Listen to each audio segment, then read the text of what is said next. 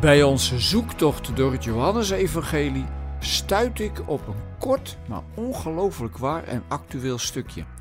De mensen reizen Jezus achterna als ze hem niet kunnen vinden, want hij heeft een paar wonderen gedaan, onder andere 5000 mensen te eten gegeven.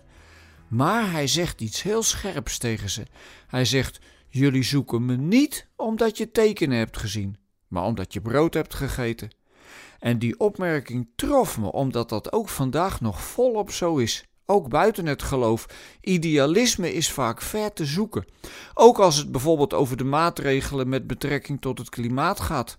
Met uitzondering natuurlijk van die mensen die er wel voor gaan, hè? Maar de overgrote meerderheid van onze mede-Nederlanders spreekt maar één taal: die van de portemonnee. Als je als overheid maatregelen neemt die we in de portemonnee voelen, dan komen we vaak wel in beweging. En dat was in Jezus' tijd dus blijkbaar precies hetzelfde.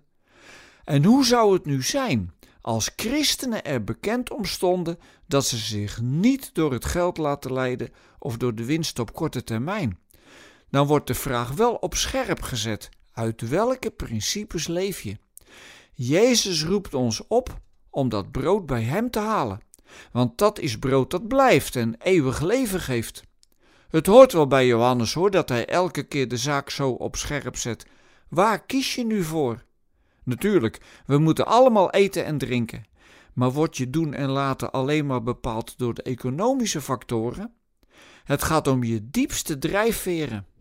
Gelukkig kan ik zomaar mensen opnoemen die ik ontmoet heb, die daar goed over hebben nagedacht en hebben gekozen voor het brood dat Jezus aanbiedt dat had wel tot gevolg dat ze hun hele leven van een minimuminkomen hebben moeten rondkomen, maar intussen onmetelijk rijk geworden zijn in het ontvangen en doorgeven van Gods liefde.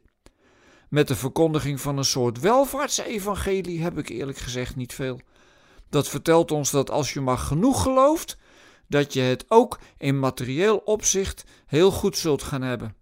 Nou, die verbinding leg ik maar liever niet hoor, want het geloof wordt dan soms als een soort methode gebruikt waarmee je alles voor elkaar kunt krijgen. Zodanig dat zelfs de evangelische Porsche op een dag bij je voor de deur staat. Ik herken daar niet veel van in de verhalen over Jezus. En ook niet in de psalmen bijvoorbeeld. Daar wordt juist vaak gesproken over het raadsel van de voorspoed van de goddelozen. Waar ik wel heilig in geloof, is dat als je de keus durft te maken om het brood bij Jezus te halen, hij je niet in de steek laat. Dat hij zal zorgen voor wat je nodig hebt. Dat het brood van hem ons leven zo rijk kan maken dat het werkelijk niet meer stuk kan. Eeuwigheidswaarde dus.